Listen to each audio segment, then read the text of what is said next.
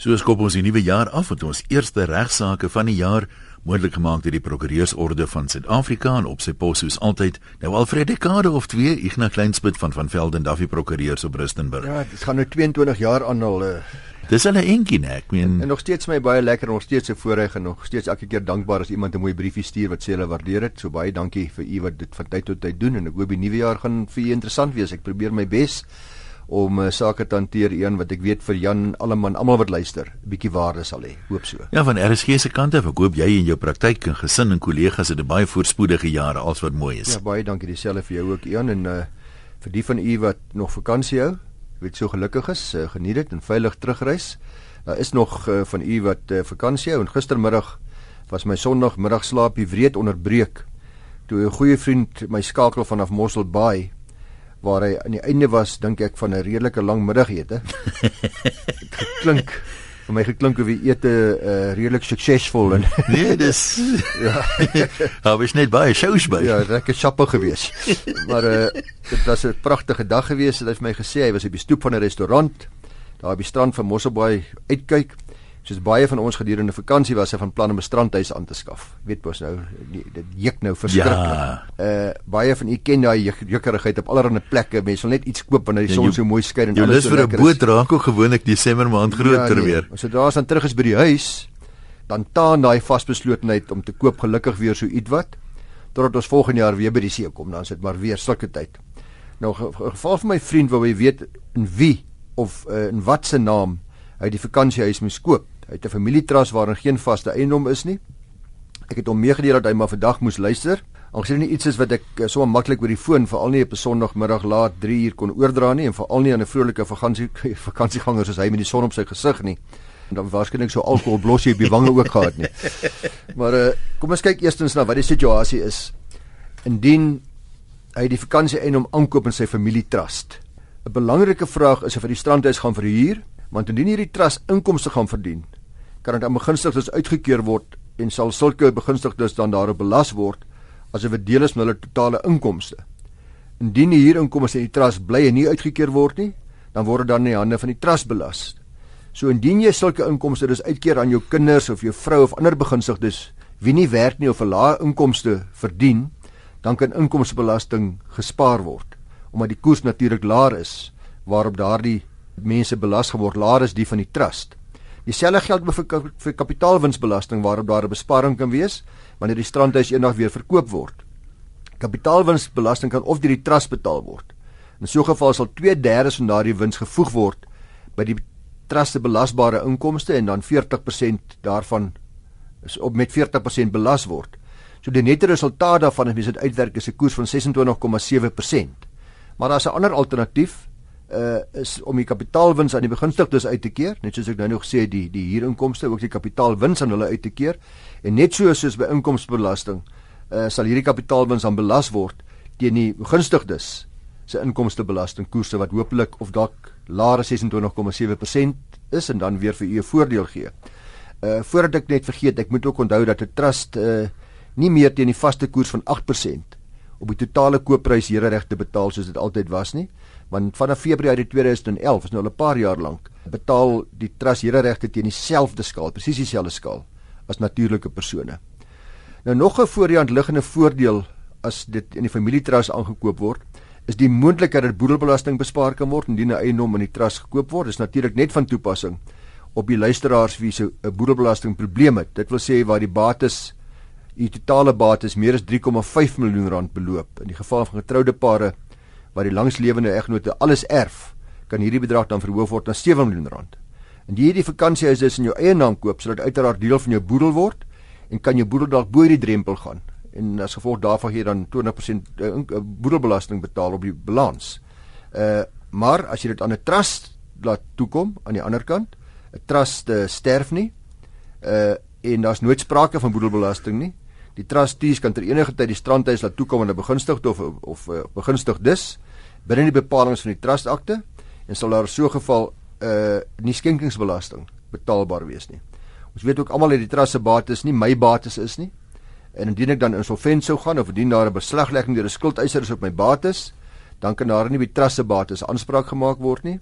Dis natuurlik op die veronderstelling dat uh, ek die trust nie as my alter ego gebruik het nie en dat ek inderdaad die trust se onafhanklikheid kan bewys.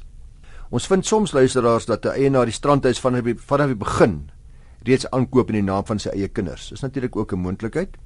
Sulke gesamentlike eiendomsreg skep dikwels groot probleme terwyl by 'n trust dit baie minder gekompliseerd is en die trustees deurentyd diskresie het om op te tree in belang van al die begunstigdes. Daar's 'n bietjie van iemand anders wat daarom kyk dat hulle nie te veel onder mekaar beklei en so nie. Ja, en pappa se blou oog nou is nie altyd pappa se blou oog oor 10 jaar nie, né? Ja, dit moet nou eens baie duidelik wees aan luisteraars dat die doel waarvoor die eiendom aangekoop word 'n baie belangrike oorweging sal wees wanneer ons die vraag vra in wiese naam ek dit moet aankoop.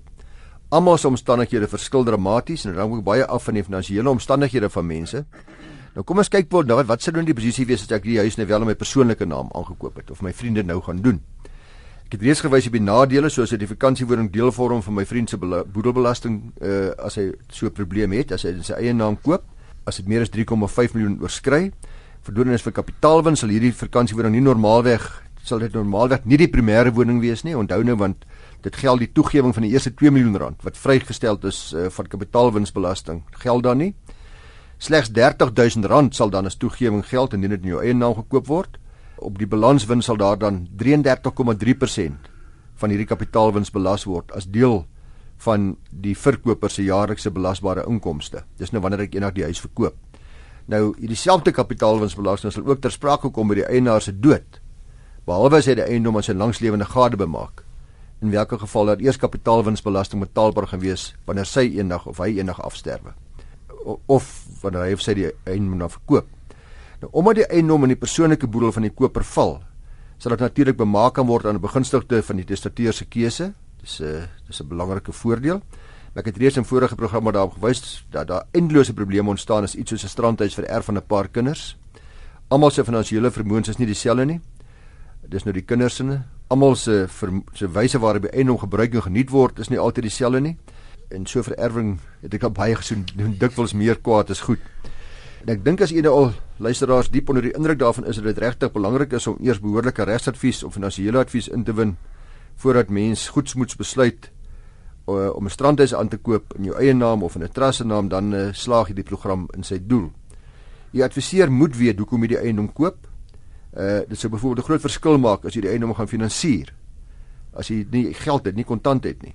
En as jy van voorneme sit om oor 'n baie langtermyn te bou as 'n belegging of as jy dit eendag wil maak aan die kinders ensovoorts ensovoorts elke scenario gaan 'n ja. ander feite stel hê kan ek gou vra daar mense vra baie keer as jy nou kyk na finansiering Ehm um, dis nou 'n familietrust, die trust het nie inkomste nou goed nie. As dan nou vir 'n verband aansoek gedoen moet word, doen jy dit dan in jou eie naam en hoe hoe werk dit dan in jou verhouding met die trust? Ja, onthou die trust het natuurlik geen geld nie. Ja. Onthou dit net. Die trust, jy skep dis nou as die trust nie geskep word om hierdie einde ja. te koop. As die trust reeds 'n bestaande trust is met ander bates, dan kan daardie bates natuurlik gebruik word om verband uit op uit te neem, om geld te genereer, om geld te skep. Maar in die meerderheid van gevalle, Ian, uh sal die geld geleen word by die oprigter van die trust. Met ander woorde, ek koop die my vriend koop die vakansiehuis. Hy leen aan die geld trust vir die deposito en dan die dan sal die, die trust kan dan 'n verband neem as die as die sekuriteit goed genoeg is die huis self ensovoorts en daardie leningsrekening kan natuurlik dan nou terugbetaal word deur die uh, trust uit die opbrengs soos byvoorbeeld huurinkomste of wat ook nogal. Gewoonlik is die lening eers betaalbaar op aanvraag en daar's gewoonlik nie 'n uh, eh, weet hoe rentes ter sprake nie uh, om die trust te beskerm daarteen nie. Maar dit is so dat uh, die meeste gevalle is dit nie so as ek sê die trust koop nie, moet mens nog hmm. besef die geld moet iewers gegenereer word. In my vriend se geval en ek hoop uh, hy hy luister regtig vandag, hoop hy het onthou dat hy moet luister. uh, kan ek kan ek sonder vrees vir teespraak sê dat hy die strandhuis beslis in sy familietrust moet aankoop in sy geval. Ek weet dat hy redelik dat hy nie te sleg daarin toe is finansiëel nie, dat hy welvarend is, dat hy uh, baie van die voordele wat ek genoem het vir die aankoop deur middel van 'n familietrust op hom van toepassing sal wees. Hy het ook al reeds 'n bestaande familietrust wat ek dink uh, waarskynlik sal dit maklik vind om hierdie bate aan te koop. Maar dit is nou al so dat vir jare lank ag en al die ouditeure wat luister is daar van hulle is sal weet. Is dit so dat die regering en veral die ministers van finansies geluide maak vir al gedurende hulle begrotingstoesprake dat hulle die voordele van wat familietrust inhou wil teiken en dit veral die belastingbesparing wat bewerkstellig word deur uitkerings aan begunstigdes wat baie frustrasie en irritasie by die belastinggaarder veroorsaak en by die departement van finansies. Ons kan nie die toekoms voorspel nie en uh, is die advies wat ek nou vir u gegee het gebaseer op die regsposisies soos dit tans daar uitsien. Die beste advies wat ek vir my goeie vriend kan gee en ook vir ander luisteraars is om nie die strandhuis te koop na 'n lekker middagete en terwyl die son skyn en almal in 'n goeie bui is nie. Oorweeg die uitgawes daaraan verbonde. Die vraag of jou kinders of familie dit werklik gaan benut. Skep dit uh, skep vir jouself so 'n paar dae afkoeltyd voor jy die dokument teken uh voordat jy die finale aanbod teken, uh, word rustig, dat realisme eers kan insink, dat jy dan steeds die vakansiehuis wil koop. Hoop ek dat uh, ek ook genooi gaan word met my vriend om dit saam te geniet soos almal uh wat uh my ken weet sal ek egter volstrek weier om middagete te geniet uh tot die son tot die tot die son nie meer skyn nie maar uh ek hoop werklik waar dat die van u wat vakansie gehou het en wat vakansiehuise gekoop het, dit in die regte voertuig al gekoop het. Ek het nou net nog 'n vraag oor die oor die finansiering. Uh dit voel vir my, ek weet nie hoe die of die banke trusts anders benader nie, maar gewoonlik gaan dit ook oor die bekostigbaarheid. Daar's nou 'n maandelikse paaiement van X bedrag, so 'n trust wat nie kontant vloei het nie, wat nie inkomste het om daai verbandpaaiement te betaal nie, sal die bank definitief nou mag bates wees as sekuriteit maar uh, dit sal dan waarskynlik maar in jou naam moet die verband moet wees ja, in daai lenings. Onthou die verband kan net in die naam wees van die eienaar van die eiendom. So die verband sal in die naam van die trust moet wees en jy is 100% reg. As die trust nie kan uh, bewys dat hulle die verband kan diens nie, dat daar 'n ja. inkomstegewende bates is uh, waaruit die inkomste gegenereer kan word om die uh, om die verband te diens nie, dan gaan 'n verband nie toegestaan word nie. Presies dieselfde kriteria geld maar vir wanneer ek en jy 'n verband aansoek gaan doen ek kan nie 'n verband kry as ek 'n uh, goeie deposito betaal maar ek het geen inkomste nie. Ek moet bewys hoe ek die verband daarna gaan dien. So die daar's twee forme van sekuriteit. Die belangrikste vorme van verbandsekuriteit is die eiendom self, die waarde van die eiendom, uh wat sou die wat sou die eiendom haal by 'n veiling of by 'n verkoping, boonbehalwe die deposito wat gegee is en maar meer belangrik is my inkomste en my uitgawes situasie van so 'n aard dat daar genoegsame netto restant is om die verbandspaaiement te betaal. En uh dan gaan we dan praat ons hierso van oor in skuld gaan over indebtedness wat 'n baie belangrike aspek is van die uh, nuwe wetgewing wat van toepassing is en as die as die bank verbande toestaan wat nie toegestaan behoort te gewees het nie gaan hulle vind dat hulle as gevolg van die wetgewing nie daardie gelde kan verhaal nie. Jy luister na regsaake op RSG moontlik gemaak deur die Prokureursorde van Suid-Afrika en aangebied deur Ignas Kleinsmid van van Velden Duffy Prokureurs op Rustenburg. Ignas, tweede helfte waaroor praat ons nou? Ek wil 'n bietjie gesels oor wat is die posisie as my besigheid of my maatskappy en finansiële notas, uh, wat is my verpligtinge teenoor die skuldeisers en teenoor die publiek? Ek weet dis nou begin van 'n nuwe jaar, kom pas terug van vakansie af en nou staar die werklikhede van my besigheid my weer in die oë. Ek het net probeer vergeet daarvan vir 'n rukkie van my finansiële nood. In Sondagmiddag het jy goed gevaar. Korrek, ja.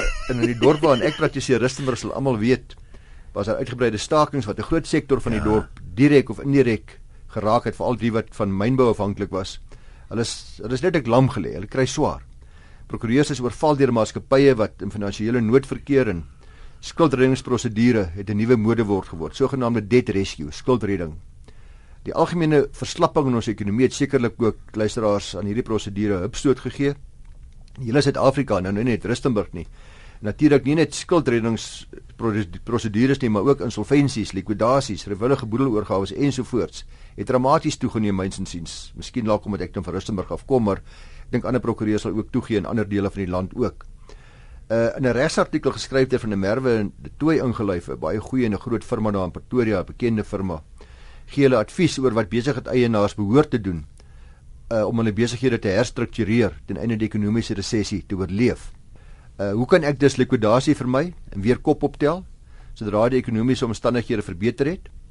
Hulle wys dan spesifiek daarop dat die maatskappye wet het 'n maatskappye en beslote korporasies die geleentheid te gee om hulle besigheid te red deur ondernemingsreddingsverrigtinge te implementeer. Ondernemingsreddingsverrigtinge Ek het dit al op hierdie program bespreek en daarop gewys dat die hoofdoel daarvan is my besigheid weer te laat asemhaal en 'n plan te maak om dit uit finansiële nood te bestuur. Dit is die situasie indien ek weet dat dit onwaarskynlik is dat my maatskappy sy skulde sal kan betaal binne die volgende 6 maande of dat dit waarskynlik is dat die maatskappy bankrot sal wees. Sy belasting sy bates sal oorskry binne die volgende 6 maande. So 'n maatskappy is 'n uitstekende kandidaat om ondernemingsreddingsverrigtinge te oorweeg. Dis ongelukkig dikwels so dat baie eienaars van maatskappye sielsbekommerd is, maar dan hoop op een of ander wonderwerk en niks doen daaraan nie en dan ongelukkig te lank wag. Dit diep in die finansiële moeilikheid beland sodat 'n reddingspoging nie meer sinvol is nie en 'n likwidasie 'n onverwendbare realiteit word. Nou as u of u u namens die maatskappy nou besluit om nie met ondernemingsreddingsverrigtinge te begin nie, dan moet die maatskappy, en dis 'n verpligting wat jy die regsverpligting, alle belanghebbende partye, alle aandeelhouers, werknemers, krediteure in kennis stel dat u maatskappy finansiële nood is, asook die redes vir hierdie besluit. Dis belangrik om indien die direkteure van 'n maatskappy nie 'n ondernemingsreddingspoging oorweeg nie en nie al die betrokke partye hieroor in kennis gestel het nie, kan dit uh, soos bedoel in die maatskappywet wees dat die direkteure van die maatskappy op roekelose en nalatige wyse die maatskappy bestuur het en dan kan u as direkteur self aanspreeklik gehou word oor gevolg die maatskappywet, u persoonlik aanspreeklikheid. Van der Merwe en 2 gee dan die volgende advies oor stappe wat direkteure as riglyne behoort te gebruik. Eerstens maak seker dat jy as direkteur behoorlik tred hou met jou finansiële verpligtinge en jou kontantvloei. Praat hier van jou verpligtinge van jou maatskappy. Jy moet dus te alle tye in staat wees om 'n voorspelling te maak van watter skulde binne binne 6 maande betaalbaar gaan wees en wat die posisie daarmee gaan wees om so te verhoed dat jy persoonlike aanspreeklikheid opdoen. Dan 'n belangrike aspek, oorweeg ondernemingsreddingsverrigtinge met 'n oop gemoed. Moenie sommer net besluit nee, dis nie vir jou nie of vir jou maatskappy nie. Dis 'n dis regtig in baie omstandighede gepas uh, in 'n baie positiewe prosedure wat daarop gerig is om direkteure by te staan om ooreenkomste te bereik raak in hierdie terugbetaling van die maatskappy se skulde wat alle geaffekteerde partye op die langtermyn kan bevoordeel. Dit is ter voordeel van almal. Ek dink mense is maar half trots en jy's bang dit skade die reputasie van die maatskappy ja. vir toekomstige kliënte en daai tipe dinge wat seker ook menslik is. En dan wag jy te lank en dan gaan die maatskappy heeltemal onder. Ja. Dan kry niemand ietsie. Dan kry jy hierdie 1 sent of 10 sent in die rand. Terwyl met skuldbereddings skuldreddingsverrigtinge uh, is daar 'n kans dat die besigheid weer kan aan 'n kant kop optel en almal dalk 'n groter deel van hulle gelde kan kry. 'n Derde stap wat voorgestel word is stel almal in kennis, soos reeds gesê, indien 'n maatskappy wat in finansiële nood is, nie begin met ondernemingsreddingsverrigtinge nie, dan moet die direksie alle geaffekteerde persone binne 5 dae nadat hulle besluit het om nie voort te gaan nie, moet hulle in kennis stel. Die maatskappy moet dan ook 'n amptelike vorm voorsien deur die CIP CIPC voltooi en 'n verklaring aanheg wat die maatskappy se huidige finansiële posisie asook die redes waarom daar nie met uh, reddingsverrigtinge voortgegaan of begin word nie uiteensit dat dan ook duidelik blyk dat die besluit tot voordeel van die geaffekteerde persone is, dan aan hierdie persone gestuur word. Soos reeds gemeld sluit dit werknemers, aandeelhouers en krediteure in.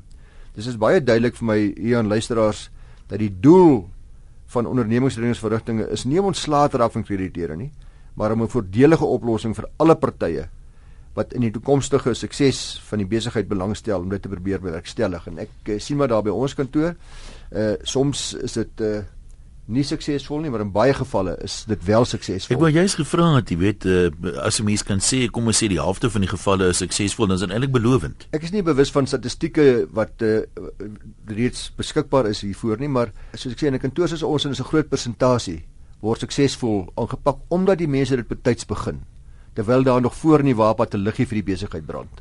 En dit is so belangrik om dit te verstaan. Anderswoorde dit help nie om 'n ding wat dood is, wat oor die muur is, wat vrot is, te probeer red met skuldreddingsverrigting nie. Dit is dit dis die situasie waar ek sê, weet wat? As ek net asemhalingstyd kan kry.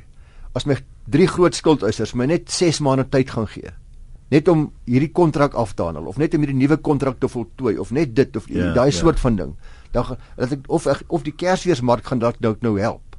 Ek gaan my omset gaan verhoog met 100% en dan gaan ek weer kan skuld delg. Uh, daai soort van ding. Dis maar twee simpel voorbeeldjies van uh, van die situasie wat jy wel het, maar om te kom en te sê wie wat my besigheid is oor die muur. Ek daar's voor in die waapad geen liggies nie. Daar's niks wat gaan gebeur nie. Dat gaan nie gered kan word nie. Dan moet mense maar liewer so gou as moontlik begin met vrywillige boedeloorgawe, want weer eens is die vraag telkens is daar voordeel vir skuldeisers. En daar's net voordeel vir skuldeisers wanneer daar nog genoegsame bates is om daarmee 'n redelike konkurrente bydra te maak uh, aan elke skuldeiser. Ja, ek het al van so baie gevalle gehoor waar mense eers as hulle sukkel om salarisse te betaal aan die einde van die maand, dan nou begin, jy weet, ons kan nou nie so aangaan nie en personeel wat kort betaal word, bly selde aan of of produktief en alles wat daarmee saamgaan. Ja, en dis waar hierdie nuusbrief nou so duidelik dit maak dat jy moet uh, jy moet eerstens maak sodra jy besef jou besigheid gaan dit nie maak jy moet so gou as moontlik alle geaffekteerdes, ook jou werknemers in kennis stel en as jy dit nie doen nie, uh, dan kan jy later bevind word as roekeloos. Onthou ook dis word ook beskou deur die maatskappywet as moontlike roekeloosheid om handel te dryf in omstandighede waar jy bewus daarvan is dat die maatskappy reeds insolvent is. In ander woorde waar jy belasting jou bates oorskry en jy gaan voort met handel dryf. Dan doen jy dit ten koste van die risiko dat jy self aanspreeklik gehou gaan word. Ons kan nog so een onderwerp inpas in vandag se program waaroor gaan ons gesels. In Cool IDs 1186 BK versus Hubbard en ander se saak wat baie onlangs gerapporteer is deur ons hoogste hof, konstitusionele hof, was mevrou Hubbard 'n uh, kontrakteur mevrou Hubbard skuis gekontrakteer met Cool Ideas BK om vir haar 'n huis te bou vir 2 miljoen 700 000 rand. Cool Ideas BK is egter nie geregistreer as 'n bouer in gevolge die behuisingsverbruikersbeskermingsmaatreëls van 1998 nie. Jy weet dit is hy NHBRC. Die wet maak onder andere voorsiening daarvoor dat slegs geregistreerde bouers geregtig sal wees op vergoeding vir enige bouwerk. Baie belangrik luister hierna, net geregistreerde bouers mag geld vra vir bouwerk. Nou Cool Ideas BK het toe die huis voltooi toe ontdek mevrou Haber daar sekere defekte in die bouwerk. Sy sê toe sy gaan nie verder betalings maak aan Cool Ideas BK voordat hierdie defekte nie herstel word nie. Daar's toe arbitrasieverrigtinge ingestel vir die medierende koste teen Cool Ideas BK en hulle het teedes ingestel vir die uitstaande prys van sy skuld nog 550 000 rand en die arbiter bevind toe in Cool Ideas BK se guns. Hulle sê mevrou, jy moet betaal.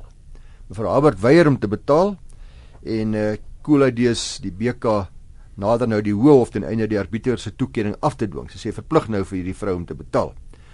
Uh sy baseer haar argumente op die feit dat Cool Ideas BK nie geregistreer was in gevolg van die behuisingsverbruikersbeskermingsmaatreëls wet nie. Dis die 1998 wet nie. En hulle gevolglik nie geregtig was op enige betaling van haar nie.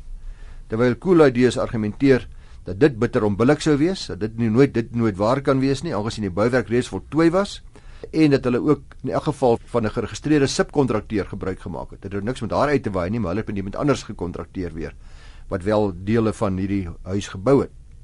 Die appelhof terloops die hoofhof staan nie aansoek toe, maar dit word op appel geneem deur mevrou Habert. Nou is hulle in die appelhof al.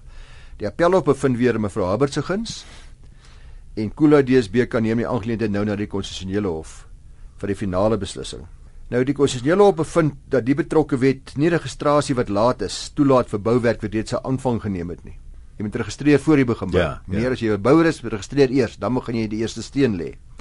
Registrasie moet in die heel begin gedoen word. Die feit dat die werk gedoen was deur 'n geregistreerde subkontrakteur sê die hof herstel nie die feit dat Cool Ideas BK met wie ek as bouheer gekontrakteer het, nie geregistreer was gevolg die wet nie. So die konstitusionele hof bevind verder dat die wet ten doel het om huiseienaars en verbruikers te beskerm teen gewetenlose of onervare bouers. Nie net skelmbouers nie, maar ook onervare bouers, mense wat nie kan bou nie. Dit is waarom registrasie nodig is. Die hof gaan verder deur te sê dat 'n onderskeid getref moet word tussen arbitrasietoekennings en die oorspronklike boukontrak. Die die oorspronklike boukontrak bly geldig. So die arbitrasie kan dit nie vervang nie deur in die verbruiker te beskerm vir werke wat gedoen was en beskerm ook verder die kontrakteur vir betalings ontvang vir spruitende uit dienste gelewer. Billikheid as verweer sê die hof kan hier nie gebruik word om die betekenis van 'n duidelike term van 'n wet te omseil nie, ongeag hoeveel werk verrig was. Gevolglik word die arbitrasie toekenning onafdwingbaar dien dit indruis teen die doel van enige statutêre bepaling. Hier sê die wet baie duidelik: geen geld as jy nie geregistreer is nie. So die appel van Cool Ideas word van die hand gewys met koste en hulle kry nie geld nie. Uh, kan so, mense hier kyk na verryking of so iets nie? Ek meen is, is ek ek, ek nou gebou het al was daar nou al hierdie gebreke, maar die bouwerk is 2 miljoen rand werd. Ek meen dit ja. voel dit voel vir my daarom erg onbillik om nou te sê maar weet ons gaan nog glad nie betaal nie. Nog glad nie. Uh, maar dan kan ek ja. seker die goed gaan afbreek, maar dit kan dit nie weer gebruik nie. Hierdie saak glad nie ter sprake gekom nie, maar is 'n interessante moontlike argument wat jy opper Ian. In hierdie geval was dit suiwer op die kontrak wat ja. hulle gedag wat dit reeds wat uh, wat uh, skriftelike ooreenkomste was. Maar interessant hierso net dat regters verskil gereeld en interpreteer die reëls van die reg heel verskillend. En hierso was daar in die konstitusionele hof 11 regters. 5 het uiteindelik hierdie beslissing geneem. Ja, ook maar net, né? Nee, is eintlik is eintlik minder. 6, 4 het 'n ander uitspraak gegee en 2 het 'n ander uitspraak gegee. So 5 en die 6 se uitspraak geld hier omdat 4 en 2 nie saamgestem het nie, maar op verskillende gronde. Uh in die appelle was daar 5 regters.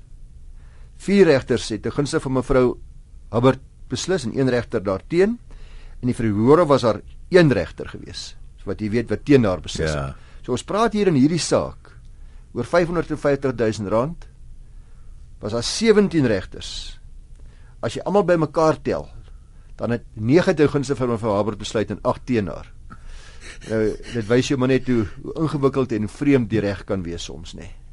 Ja, en as ek sê dis die mens mens verstaan die doel van die van die wet, maar dit voel net vir my soos ek sê dat dit baie onbillike resultate kan hê uh, as jy dan nou as, as verbruiker byvoorbeeld nou nie seker maak die mense met wie jy nou die kontrak aan toeken is wel geregistreer en dan moet tog een of ander onus op jou darm ook rus.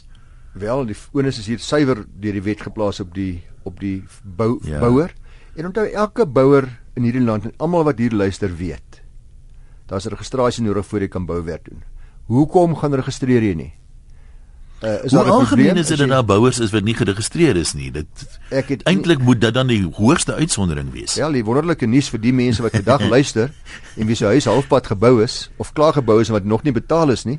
As jy nou gaan vasstel of die bouer geregistreer is al dan nie en is nie geregistreer nie, dan sê hierdie uitspraak van die kosele of jy hoef nie te betaal nie. My ondervinding van die goed prakties was dat voordat die die bank die verband goedkeur of iets uitbetaal, wil hulle gewoonlik daai registrasiesertifikaat sien van die ouens wat die bouwerk doen. Jy moet dit inhandig. Ja, ek dink in hierdie geval was dit toevallig as dit as maar dit 'n kontant transaksie ja, was. Ja. Ek dink die bank sal mens gewoonlik beskerm om seker te maak dat daar wel 'n uh, behoorlike bouer is wat uh, aan die ander kant is. Net net prakties gesproke, daar's natuurlik baie handige mense. Die oues weet 'n boer of iemand wat nou deur sy lewe hier gebou het en daar braai gebou het en so aan en so aan. Nou kom die ou nou bou hy sy aftreeplekkie sommer self, want dis mos daarom nou heel wat goedkoper as om 'n ander man te betaal. Ag, daardie mense is droommense vir prokureurs.